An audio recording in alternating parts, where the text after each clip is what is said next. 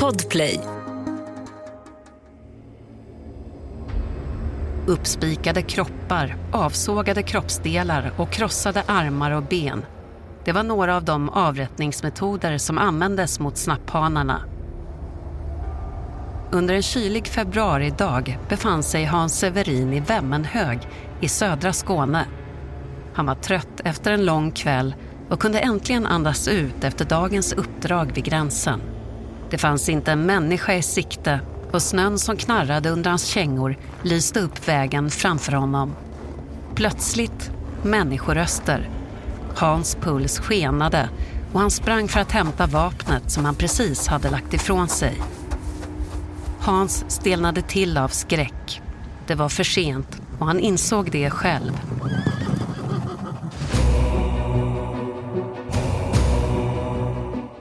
I Sveriges mörka minnen tar vi med er på en resa genom landet för att återupptäcka de händelser som på gott och ont har förändrat Sveriges historia.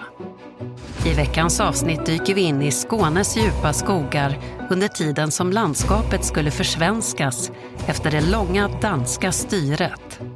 Men det gick inte alltid så smidigt som svenskarna ville.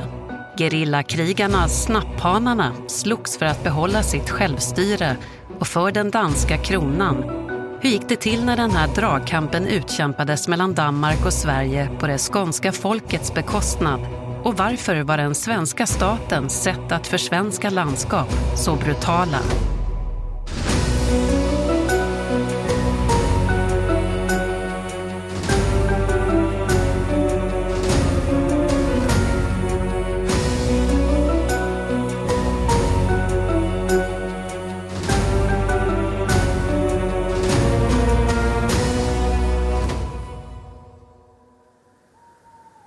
Det var mörkt och tyst i skogen där han stod och vaktade väntande på att svenskarna skulle dyka upp. Han hette Hans Severin och här, där han hade levt i nästan hela sitt liv visste han att han såg som mindre värd av svenskarna. I danskarnas ögon däremot, där var han en hjälte. Av danskarna kallades han friskytt, av svenskarna för snapphane, ett annat ord för stråtrövare. Men vad de än ville kalla honom så visste han att han skulle slåss för sin sak, för sin frihet, för sitt Skåne. I Skåne fanns under 1600-talet en typ av bondesamhälle som stack ut från övriga landet. Man levde primitivt och utan ordentliga vägar vilket gjorde att lokalbefolkningen var de enda som hade koll på de stigar som fanns. I skogen kände de sig som hemma där kunde de söka mat under missväxtåren och söka skydd när det krävdes. De här skånska skogsborna hade utvecklat ett eget styre och kunde hålla sig i stort sett fria från staten. Men det här var under den danska tiden. År 1658 skulle allt förändras. Sverige tog över de skånska landskapen från Danmark och områdena började kontrolleras och försvenskas. Under den här tiden växte ett nytt fenomen fram Män som vägrade låta sig styras av nya svenska lagar och statsmakt och som med all kraft ville beskydda sin frihet. Personerna kallades för snapphanar och här startade en blodig kamp. Hans Severin levde i en tid där Sverige, efter Vasatiden, blev norra Europas stormakt. Det var en dramatisk period som varade fram till 1700-talet och krigen avlöste varandra. Landet var en militärstat där nästan alla resurser gick till armén. De militära framgångarna bekostades till stor del av tillgångar i de länder man krigade mot och övriga pengar skaffades fram genom att sälja till exempel järn och koppar. Varor som svenskarna var nästintill ensamma om att kunna sälja internationellt.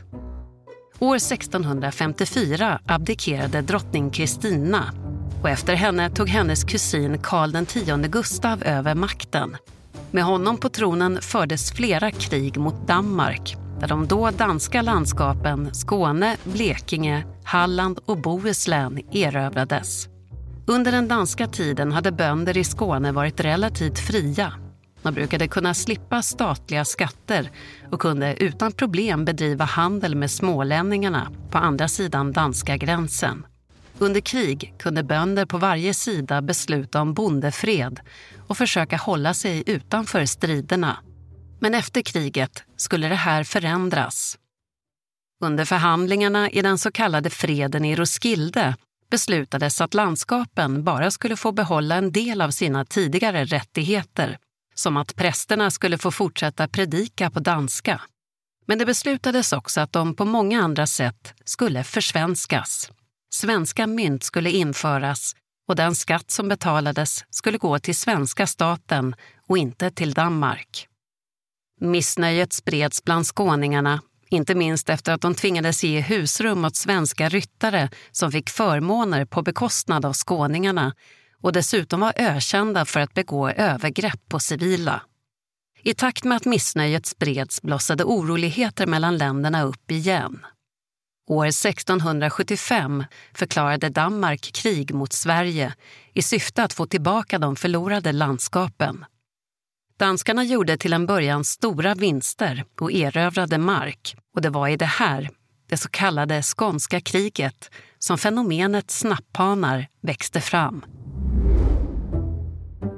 Snapphanar var en slags motståndsrörelse. Människor i Skånetrakten som genom gerillakrigföring hjälpte den danska armén och kämpade mot Sverige. Skåningarna befann sig i en dragkamp mellan de två länderna. Många i Sverige ansåg på den här tiden att skånsktalande svenskar inte var lika mycket värda som andra svenskar.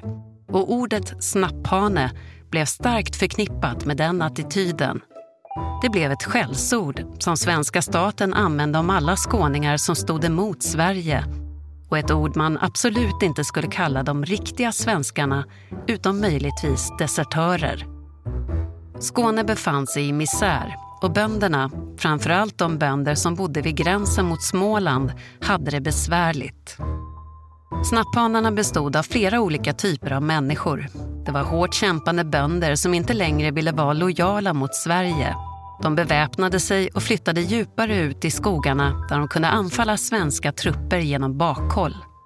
Så fanns även stråtrövare som överföll svenska soldater när de färdades genom skogarna.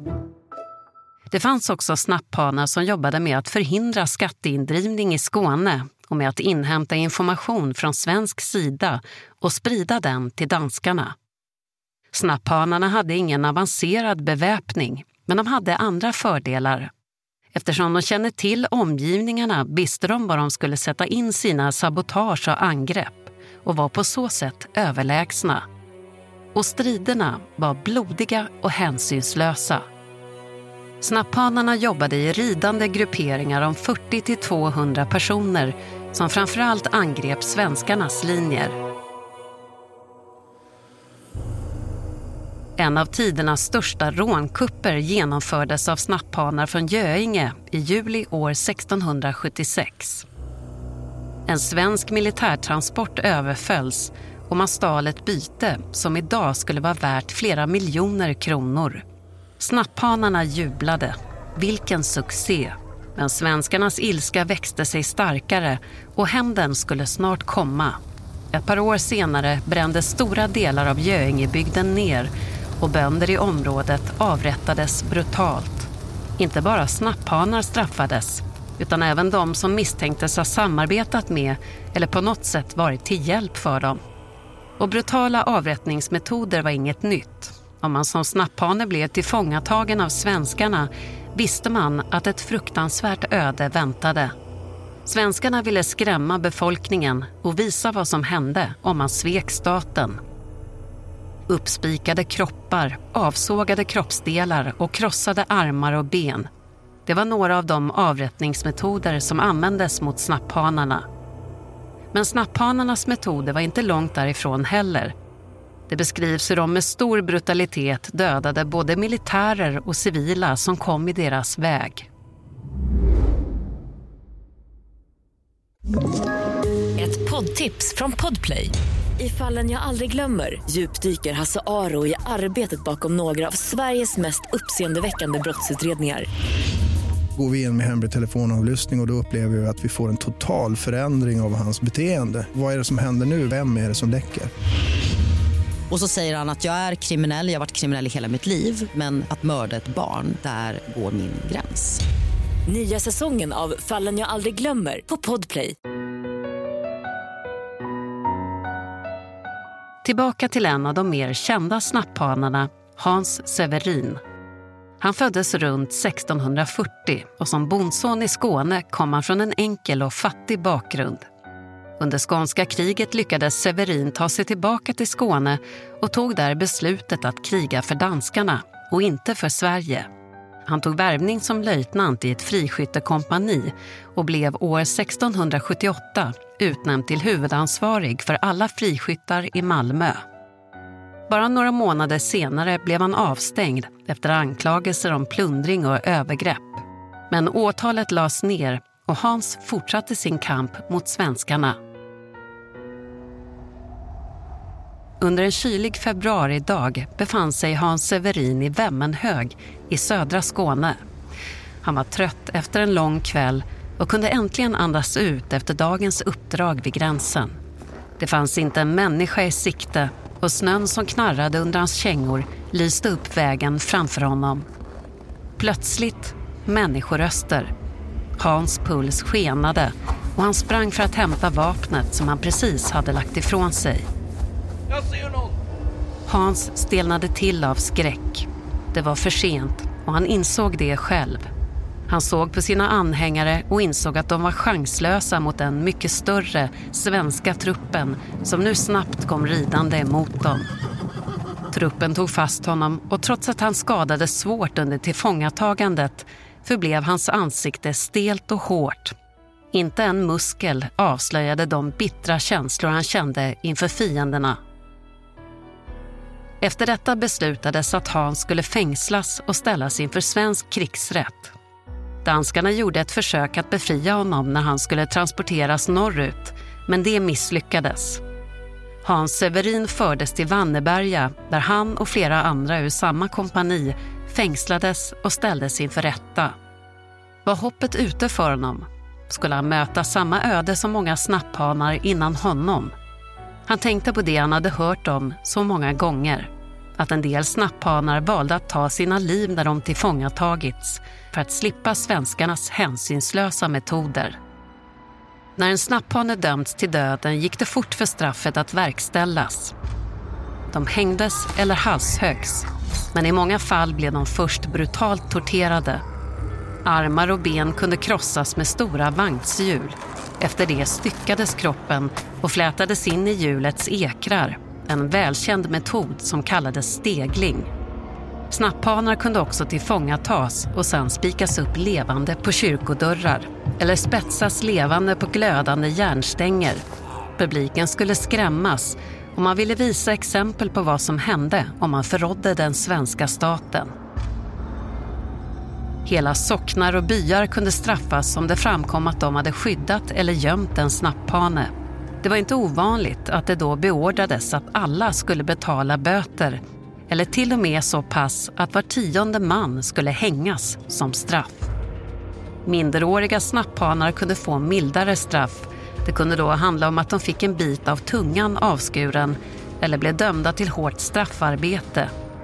De fåtal kvinnor som dömdes som snapphanar kunde också komma undan med lindrigare straff. Och i de fall där de avrättades var det oftast med hängning. Men för Hans Severin blev straffet hårdare. Han dömdes av krigsrätten till att spetsas levande mellan hud och rygg igenom nacken. Han skulle sen sättas upp på pålen med fötterna fastnaglade och händerna bakbundna. Enligt protokollet tog det honom upp till åtta timmar att dö. För vissa som avrättades med samma metod kunde det ta flera dagar tills de dog efter att ha placerats ut längs med vägar på pålarna för att skrämma upp befolkningen.